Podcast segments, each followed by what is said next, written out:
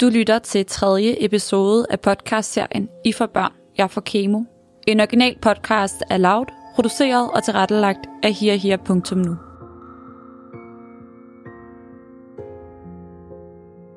Den 2. august i en mørk nattetime skriver Ditte til sin veninde Freja. Hvis jeg dør, vil jeg gerne have, at dem, der er tilbage, ved, hvordan jeg har det med de ting, kraften og kemoen gør. Og hvordan jeg tænker, selvom det er ting og tanker, jeg ikke kan fortælle dem nu. Fordi det kan være for voldsomt. Vil du hjælpe mig med at finde en måde at gøre det på? Som du nok kan høre, så er lyden lidt anderledes i det her klip. Klippet stammer fra en række samtaler, Ditte har med veninden Freja under Dittes sygdomsforløb. De her samtaler, som vi kalder de originale bånd, vil du møde senere i historien. Og de kan, som Ditte selv siger det, Vi vil gerne minde dig om, at de her optagelser oprindeligt var til min familie og venner, hvis jeg ikke overlevede kraften og kemoen. Så de snakke fra jer, jeg har, kan fremstå råt for usødet, personlige og meget ærlige, og samtidig et udtryk for vores tanker og følelser, lige præcis på det tidspunkt, der blev optaget. Vi håber, at du kan være over med de til tider skøre og kluntede formuleringer, og den autentiske og varierende lydkvalitet. Vi vidste jo ikke, at du skulle lytte med. Men kunne du bruge podcasten til noget? Og tror du, at andre, der har været eller er pårørende til en med kraft, selv er kraftramt, eller bare står i en sårbar situation i deres liv, kunne få gavn af at høre den, så må du meget gerne fortælle det videre. Så kan vi måske sammen hjælpe en, der lige nu står i eller har været igennem en svær periode i deres liv. Har du ikke hørt de første to episoder, så lyt ekstra godt med nu. En forårsdag opdager Ditte en knude i halsen, som hun slår hen som ubetydelig. Hun tager alligevel forbi sin læge for at få knuden undersøgt. Beskeden er nedslående. Knuden er måske ikke så ubetydelig, som Ditte først troede, den var. Hun sendes rundt på Rigshospitalet for at få taget blodprøver, scanninger, biopsier. Hvad knuderne gemmer på, og hvilken diagnose Ditte får, får hun snart at vide. Mandag den 6. maj. For de fleste en anonym grå mandag med småregn. For Ditte, kæresten Christian og hendes far, der sidder i venteværelset på Rigshospitalet, er det en dag, de aldrig nogensinde glemmer.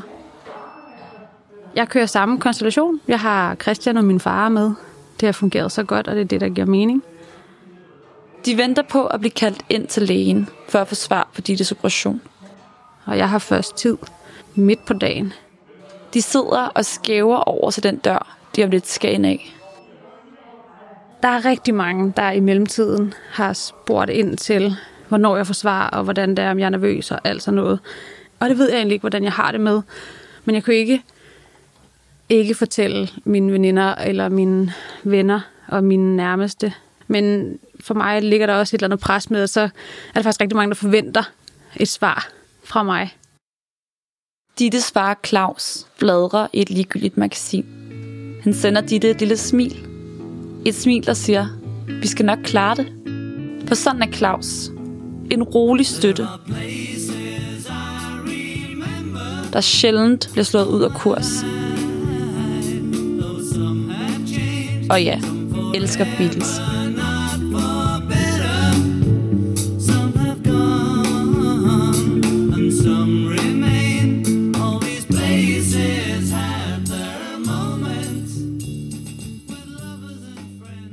Døren ind til kontoret åbnes. Det så er en anden læge end ham, som smed mig i kraftpakkeforløb.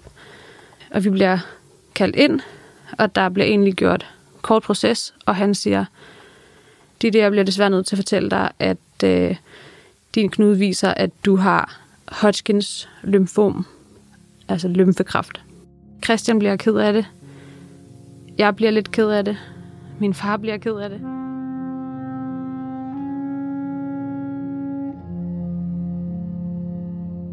Dittes kæreste Christian stiger ud i luften.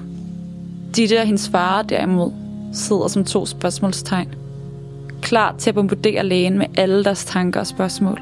Men jeg kan ikke få svar på nogen af dem. Han ved ikke mere. Han ved, at det er Hodgkins. Han har intet andet stående i sine papirer. Han ved bare, at han skal sende mig videre.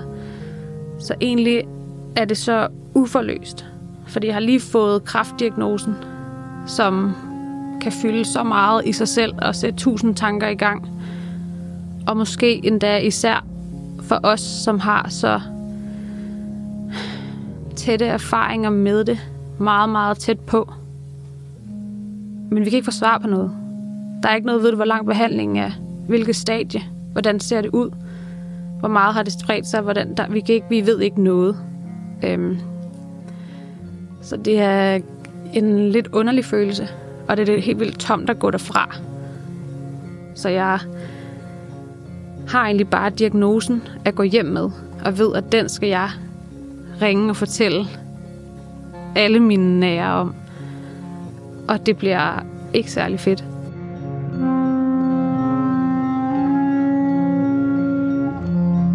En tsunami er en særlig type bølge, som opstår, når havet får et chok. En voldsom pludselig hændelse, der sætter store vandmasser i bevægelse. Den 6. maj rammes Ditte af tsunamien. Selvom alt er kaos, så holder Ditte hovedet over vandet. Vi går derfra og krammer, og vi aftaler, at, øh, at vi skal fortælle det til mine brødre og til min mor selvfølgelig som det første. Og de er dem, der skal have vide med det samme. Og de sidder over os på stikke, hvor de nu end er, øhm, og venter på svar fra os og håber på det bedste. Og så krammer vi meget ud foran resultatet for lige taget nogle dybe vejrtrækninger sammen og snakket om, at sådan er det. Og min far spørger, hvad gør vi så nu? Og jeg siger, jeg, jeg synes, vi skal lige tage hjem til os. Og så skal vi lige finde ud af, hvordan vi skal lande i det.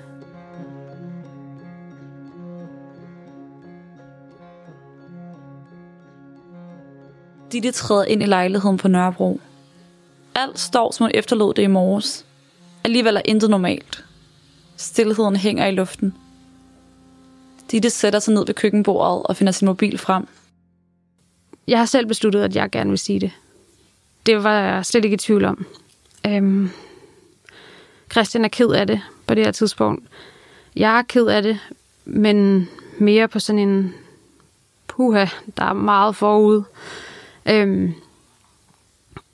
og så ringer jeg til mine brødre og fortæller dem, at det er Hodgkins, og at jeg ikke ved mere, øhm, og vi skal mødes hjemme hos os, fordi at vores far henter mor, og så er vi der. Daniel, min ældste storebror, siger med det samme. Er det okay, jeg også kommer? Jeg siger, selvfølgelig er det det. Øh, vi får snakket om, hvordan jeg har det, og jeg siger, at det er okay. Jeg skal lige lande i det, men det er okay. Og samtalerne er heldigvis ikke så lange, for dem ses jeg med lige om lidt.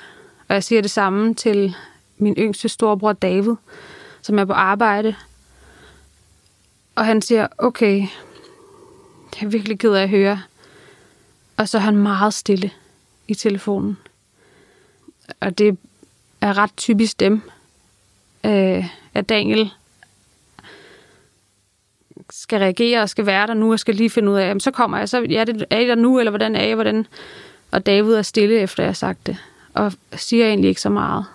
Og jeg siger, at de andre kommer hjem til mig, og er nu, og så er vi lige der lidt. Og han siger, at han er virkelig ked af at høre det, og jeg skal sige til, hvis, hvis vi skal snakke om det. Og så siger han, at han tror også lige, at han gør noget færdigt måske på arbejde, og så kommer hjem. Og så ved jeg så efterfølgende, at han har ringet og snakket med sin kone om det, som har sagt, og du tager hjem nu. Du, nu. Nu tager du også hjem fra arbejde. Du skal ikke sidde på arbejde lige nu. Du skal tage hjem. Og så er det gået op for mig, at det, det var nok en rigtig god idé.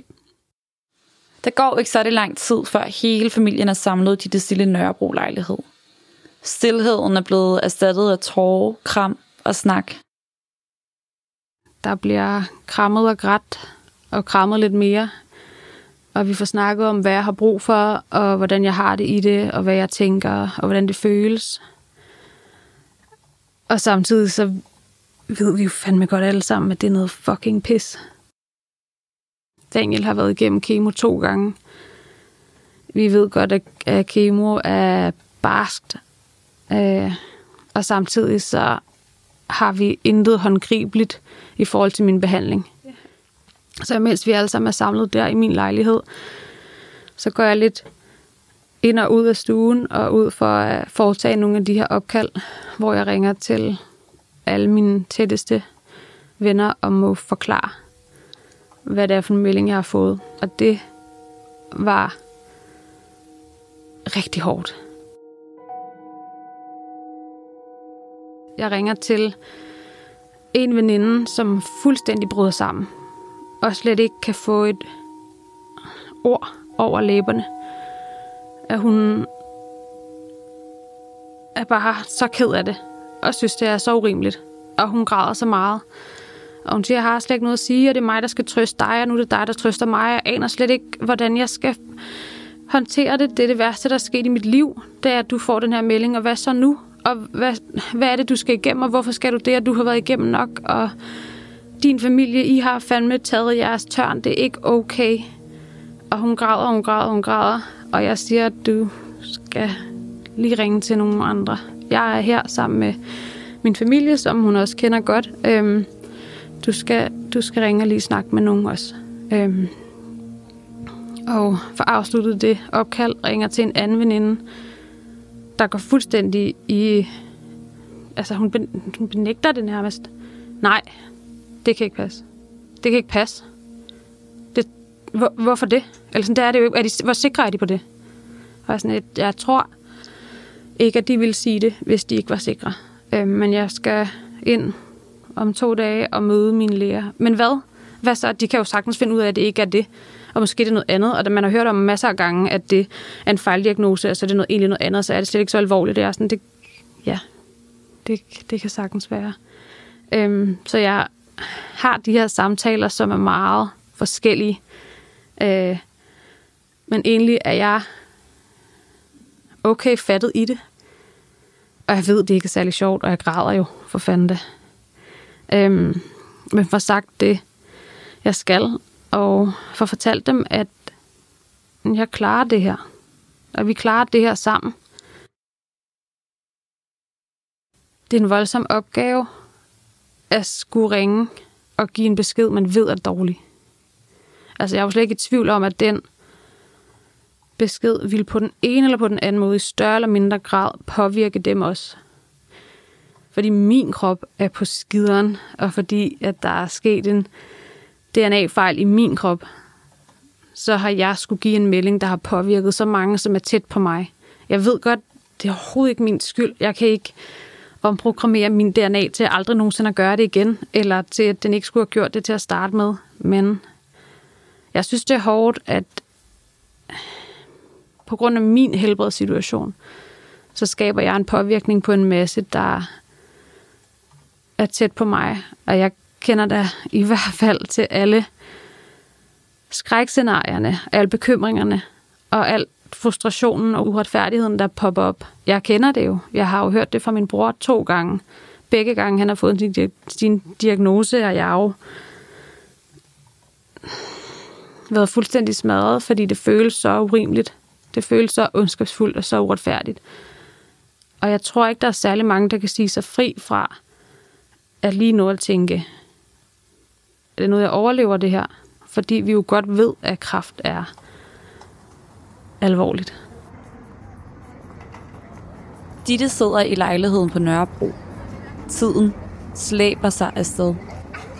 Et andet sted i byen går Freja rundt. Freja, hun er en af Dittes allertætteste veninder. Hun er veninden, Ditte hun kan grine med i svære stunder. Og så er det Freja, Ditte rækker ud til, da hun ønsker at indtale sine tanker til sin familie, hvis Ditte ikke vil klare den. Men altså, lige nu og her ringer Ditte til Freja for at give hende beskeden om, at hun har fået diagnosen kræft. Så kommer jeg gående fra Fjolstræde op mod øh, Nørreport. Så ringer du der og skynder mig at tage telefonen. Og så kan jeg høre, at du sådan... Jeg kan høre, at du har grædt. Og stadigvæk måske i virkeligheden græder lidt. Hmm. Jeg kan høre, at du var sådan en grådkval. Ja. Som du nok kan høre, så er lyden lidt anderledes i det her klip. Klippet stammer fra en række samtaler, Ditte har med veninden Freja under Dittes sygdomsforløb. Men jeg, jeg vidste måske heller ikke, at det var altså, så dårlige nyheder.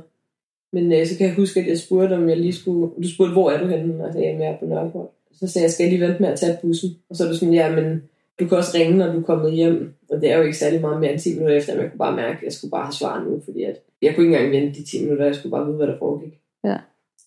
Og så kan jeg huske, at du sagde, at jeg kan huske den port, jeg stod i Ja. på Nørreport. Altså, det er ligesom, når der sker de der ting, som bare er så lortet, ikke? at man bare kan huske, hvad man havde på i tøj, hvor man var henne, og man kan huske alle detaljerne. Ikke? Ja. Det kan jeg også den dag, at du sagde til mig, at det, det er kraft. Og så begyndte jeg bare at græde. Så stod jeg bare inde mod en dør og græd. Og det var lidt sådan en af de der situationer, hvor at der, jeg vidste jo godt, at der ikke er noget, jeg kan sige. Ja. Fordi du siger jo heller ikke, at det skal nok gå. Det, det, jo, det siger man jo ikke. Man kan jo ikke, man kan ikke trøste på nogen måde, hvor det rent faktisk hjælper. Jeg kan huske, at jeg sagde det. Det skal nok gå. Mm. Nu ved vi, hvad det er. Ja. Det skal jeg nok klare. Det klarer vi sammen. Ja, jeg sagde også, jeg, jeg, jeg blev bare ved med at sige, at jeg er her, kan ja. jeg Ja. huske. Fordi det var det eneste, der var vigtigt for mig, at du vidste på det tidspunkt, det var bare, at jeg er her. Og så kan jeg huske, at du, jeg spurgte, skal jeg komme hjem til dig? Og så ja. Ja. sagde du, at det var okay, fordi at familien var derhjemme. Mm.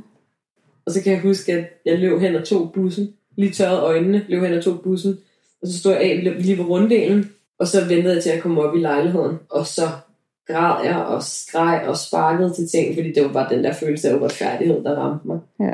At det synes jeg, det kunne bare ikke være rigtigt. Altså. Det var en mega dårlig film, man følte mig var en del af, fordi Ja. det var bare simpelthen for, altså, det var for dårligt til at være sandt der. Ja. Det kunne jeg slet ikke overskue. Jeg kan huske, du lovede mig, at du ville ringe til din mor. Mm, ja, jeg ringede til min mor lige bagefter, jeg var færdig med at skrive. Jeg skulle lige sådan der samle. Ja. Jeg kunne, jamen også fordi man, ja, man kan ikke sige det. I starten, jeg kunne slet ikke sige det. Nej. Altså, det der med, det, altså man vidste jo, man vidste godt, at det var sådan. Men bare det der med at, at sige det, og så sige sådan der ditte og kraftig sammensætning, det var sådan, det kunne jeg slet ikke få fremstammet. Og jeg græd så meget samtidig, og min mor var helt sådan der, hvad sker der, hvad sker? Og hun vidste også godt, at du ventede på svar. Ja. Så hun havde jo sammenkoblet det, da hun kunne høre, at jeg var helt færdig. Ja. De opkald havde du jo mange af. Ja, det er et sindssygt opkald at skulle lave. Mm. Og ringe og sige, også fordi jeg blev nødt til at gøre det kort, for jeg kunne ikke... Et, jeg havde ikke flere informationer, Mm. mm. end at det var Hodgkins, og at jeg skulle derind to dage efter. En grå dag er ved at være over.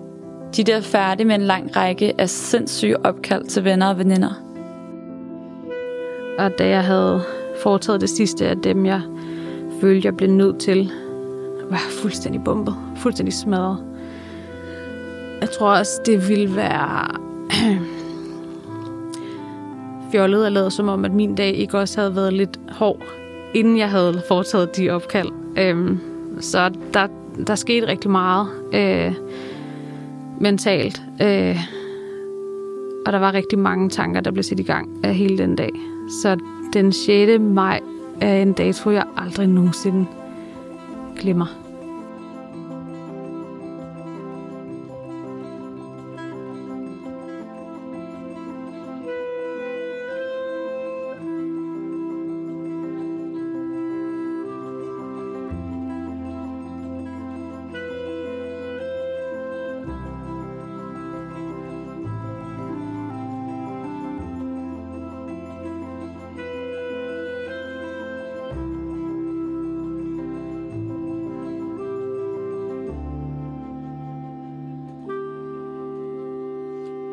Dittes forældre kører hjem til Søborg. Daniel og David tager hjem til deres familier.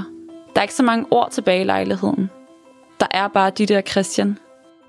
Og jeg ligger med Christian, og vi snakker det igennem. Og han er jo tydeligvis påvirket af det. Jeg er tydeligvis påvirket af det. Og jeg kan huske, at vi snakker om, hvad der skal ske de næste par dage. Det bliver sådan en blanding af, at der er ikke nogen af os, der måske kan sætte ord på, hvordan vi har det. Det hele er nyt, og hele vores hverdag er kastet op i luften. Men der er ikke nogen klar til at gribe den, fordi vi ved ikke engang, hvor det skal lande. Så jeg husker det mere som om, at vi har sådan en... Vi ved ingenting, mand. Vi ved ingenting om, hvad vi går i møde. Og samtidig så har jeg jo inde i hovedet nogle skrækscenarier for, hvad jeg kunne gå i møde. Øhm, ud fra min, min brors forløb.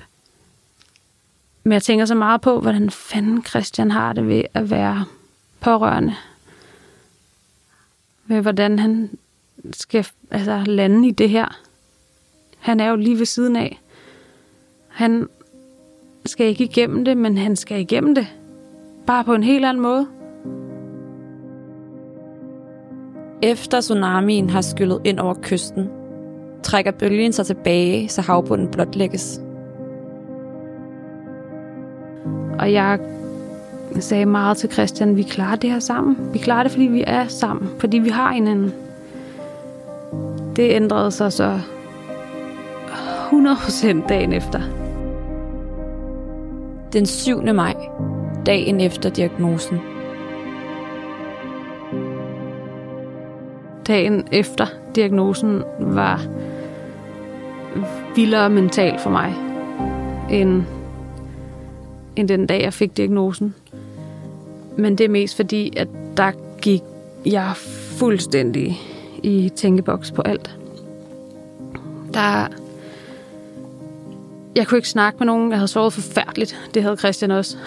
Øh, jeg havde ikke noget at sige. Jeg stod op om morgenen og havde tusind ting, jeg skulle tænke igennem selv. Jeg havde ligesom nået alt det, jeg følte, jeg skulle med alle opkaldene. Jeg havde fået svar. Alle, alle de ting, jeg havde ventet længe på, var ligesom overstået i den grad, det kunne overstås. Fordi vi, der var jo stadig ikke andre nye informationer. Men dagen efter, jeg, jeg tror, Christian og jeg snakkede sammen sammenlagt øh, en time af den dag, og vi var sammen hele døgnet jo.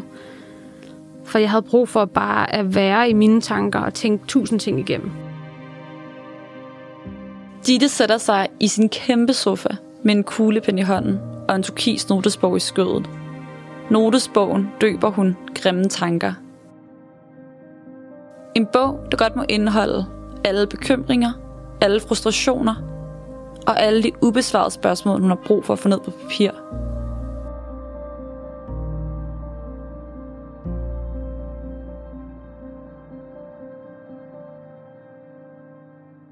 Den allerførste side, jeg har skrevet, og Og det var dagen efter. det var dagen efter diagnosen. Det her det er den 7. maj. Det giver måske et meget fint billede af, hvordan jeg havde det der. Det er ikke nødvendigvis sådan, jeg har det nu, men det var de følelser, der gik igennem mig. Og det var nogen, jeg skulle af med. Mm. Så jeg tænker, at jeg kan lige læse lidt op, uden det bliver for meget. I går kom diagnosen, i dag kom alle de grimmeste tanker. Jeg ved intet om behandlingsforløbet endnu, men det, der cirkulerer mest i hovedet på mig, er ikke tanker om at dø. Det er tanker om, at jeg aldrig kan blive mor, hvis kemoen tager min fertilitet. Jeg kan ikke se grunden nok til at kæmpe for at overleve, hvis jeg aldrig får lov til at få børn med Christian. Vores børn. Min krop har opbrugt sin eneste chance. En kort bemærkning. De mørke tanker, som den turkise notesbog gemmer på, læser Ditte og Freja op af længere inde i historien. Og så sad jeg med den bog hele dagen, og åbnede og lukkede og skrev nye ting. Og det var alt for spontane tanker til, hvad fanden er det, der foregår, din kæmpe idiotkrop?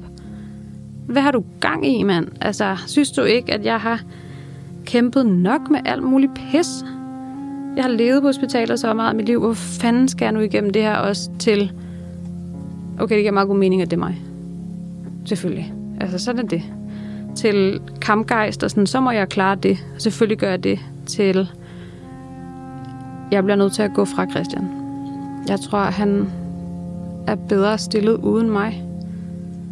Jeg tror, det er nemmere at komme sig over kærestesover, end at se en kæreste falde fuldstændig fra hinanden af kemo. Og på et eller andet tidspunkt, så må han komme sig over hjertesover. Og så hvis jeg bare finder på en forklaring, der er god nok, hvis jeg kan lyve mig nok frem til en forklaring til, hvorfor vi ikke skal være kærester, så måske er troværdig nok, som han ikke vil tro på til at starte med, men måske på et eller andet tidspunkt overbevise sig selv om er rigtigt. Altså det er bedre, end at skulle igennem kemo fra sidelinjen. Så det er bedre for ham, så kan han komme videre. Det er ikke sikkert, at han kan komme videre med mig jo. Altså, der kan ske meget. Så for mig var det lige pludselig en tanke, hvor dagen før havde jeg været sådan, den her klarer vi sammen, der er mig, det gør vi. Nå, men telefonen, den er glødende varm. Det vælter ind med beskeder fra de mennesker, der dagen før blev ramt af tsunamiens eftervirkninger. Venner og familien skriver og ringer. Jeg tog ikke det eneste af dem, og jeg svarede ikke på en eneste besked, og jeg var ikke klar til noget. Og jeg, jeg kunne slet ikke... Øh... Jeg havde slet ikke samme følelse af, at jeg, jeg godt kunne trøste nogen, som jeg havde kunnet dagen før. Men det var nok bare, fordi jeg slet ikke var der. Jeg havde brug for alt muligt andet. Jeg havde brug for at tænke alle scenarier igennem. Jeg havde brug for at være praktisk. Hvad for nogle ting skal jeg styr på? Og så lige tænke igennem, hvad hvis jeg dør egentlig? Så er der også nogle ting, jeg skal have styr på. For eksempel var det den dag, jeg besluttede mig for, at øh, inden der var gået en måned, så skulle jeg have skrevet Christian på andelsbeviset. Vi boede i min lejlighed. Sådan nogle ting. Så jeg gik lige så meget fra at være flyvsk og være emotionel til at være helt lavpraktisk. Og sådan, Christian kommer ikke til at lyst til at snakke med mig om, at jeg vil have ham på andelsbeviset, fordi han kan godt regne ud, hvorfor. Men og så sidde og læse vores vedtægter igennem i andelsforeningen på min telefon, imens Christian lavet kaffe, og i hvert fald ikke fortælle om, at det var det, jeg lavede, fordi så havde han om nogen rystet på hovedet af mig. Så der blev ikke snakket særlig meget, men der blev eddermame tænkt meget, og der blev eddermame skrevet meget ned.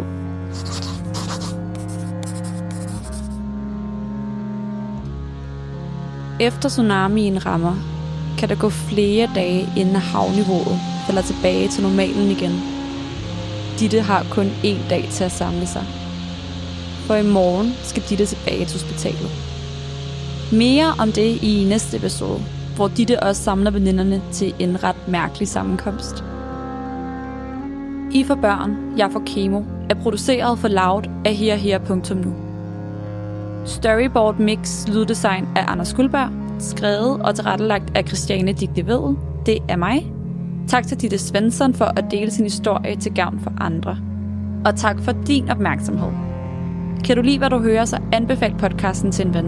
Og husk at tale om det, der er svært.